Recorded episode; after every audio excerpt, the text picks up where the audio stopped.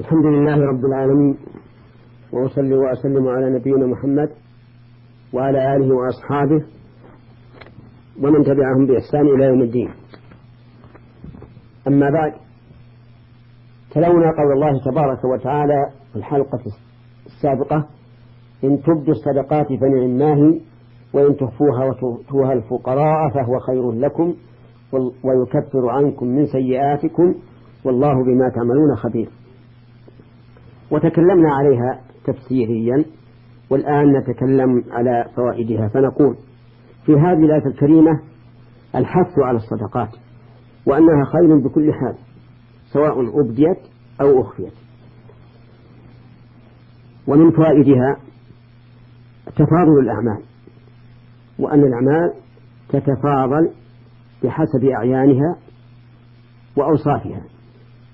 فمثلا الفريضة أفضل من النافلة والصلاة أفضل من الزكاة والصدقات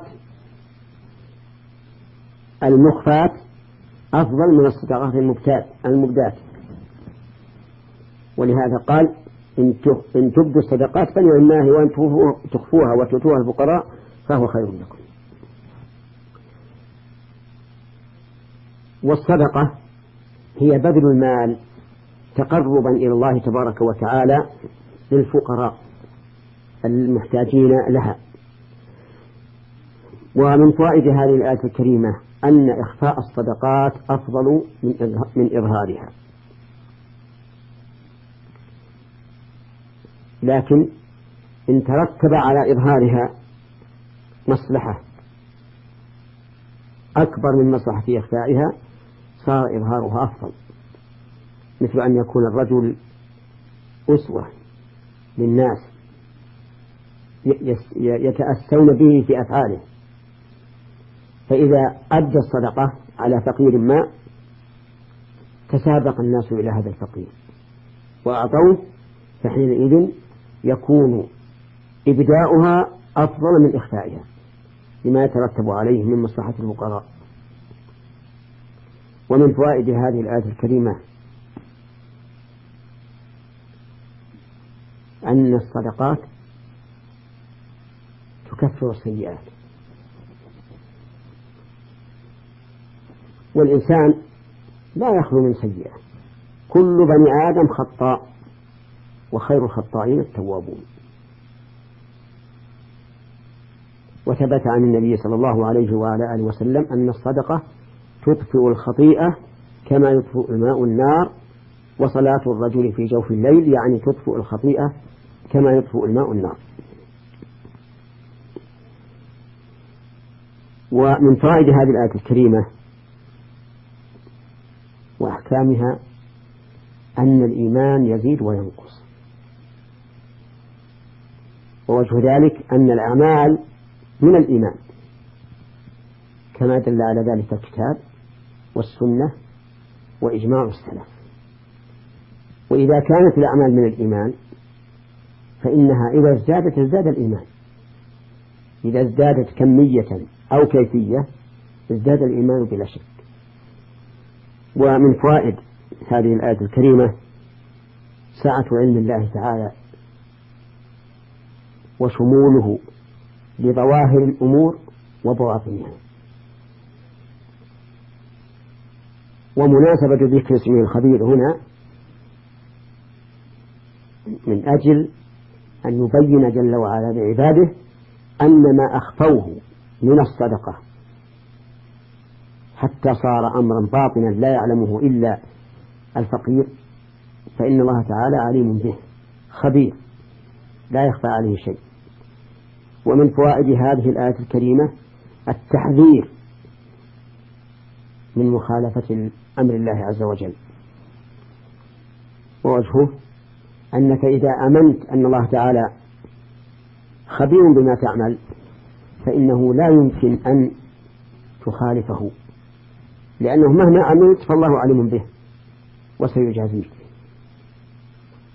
ومن فوائد هذه الآية الكريمة أن الإنسان إذا علم بأن الله تعالى عليم بجميع أحواله اعتمد عليه تبارك وتعالى في جميع أحواله. ورضي بما قدر عليه.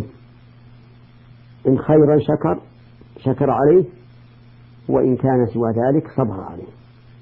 ولهذا قال المؤمن قال النبي صلى الله عليه وسلم عجبا لأمر المؤمن إن أمره كله خير وليس ذلك لأحد إلا للمؤمن. إن أصابته ضراء صبر فكان خيرا له وإن أصابته سراء شكر فكان خيرا له. اللهم اجعلنا من المؤمنين المتقين.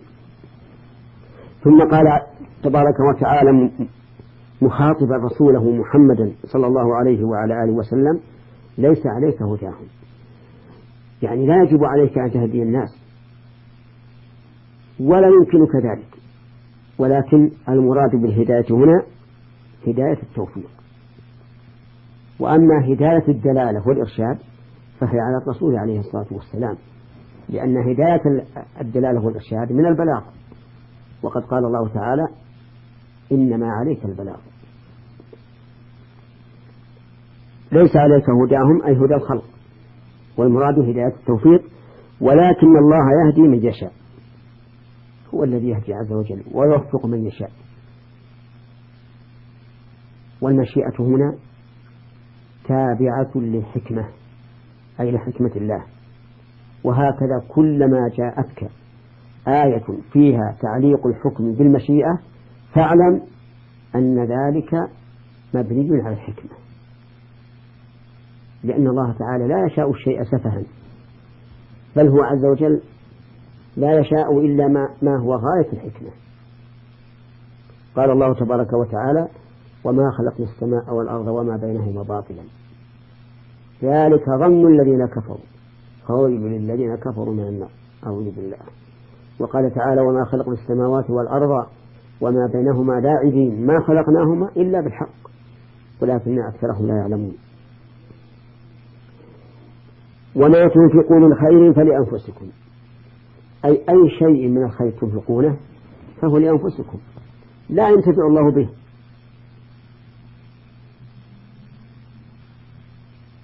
كما قال الله عز وجل ومن كفر فإن الله غني عن العالمين. وقال تعالى ومن يشكر فإنما يشكر لنفسه. وما تنفقون إلا ابتغاء وجه الله.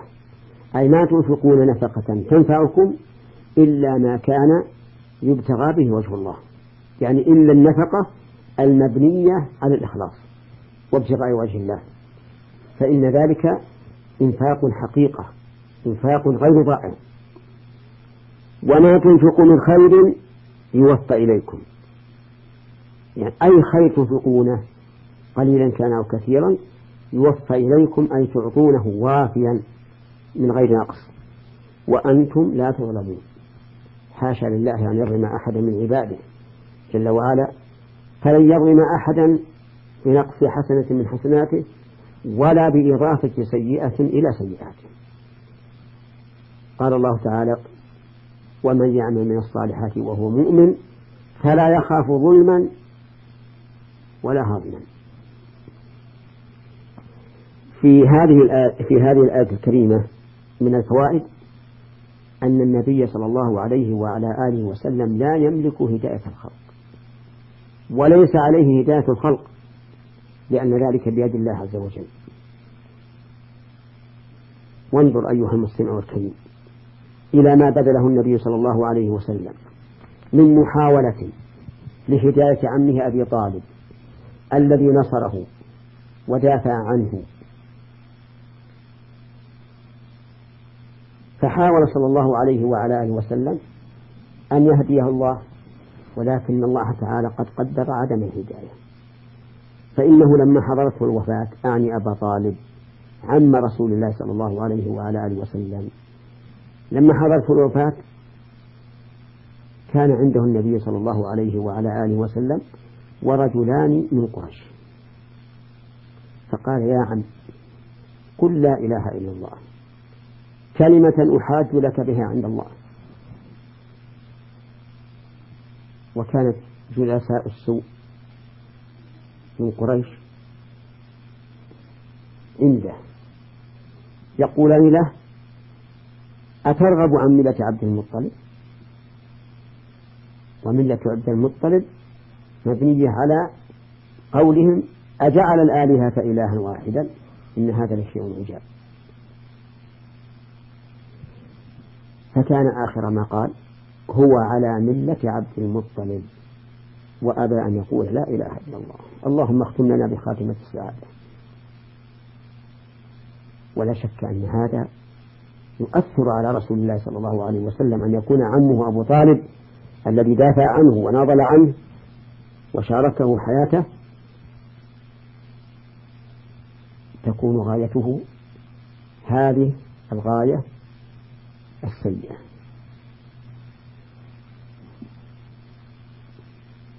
فقال لأستغفرن لك ما لم أنه عنك. فأنزل الله تعالى ما كان للنبي والذين آمنوا أن يستغفروا للمشركين ولو كانوا أولي قربى من بعد ما تبين لهم أنهم أصحاب الجحيم. وأنزل في تسلية النبي صلى الله عليه وعلى آله وسلم قول قوله إنك لا تهدي من أحببت ولكن الله يهدي من يشاء وهو أعلم بالمهتدين. أي أعلم بمن هو أهل الهداية فيهديه نسأل الله تبارك وتعالى أن يهدينا وإخواننا المسلمين صراطه المستقيم وأن يمن علينا جميعا بالتوبة والإخلاص لله عز وجل. وإلى حلقة قادمة إن شاء الله. والسلام عليكم ورحمة الله وبركاته.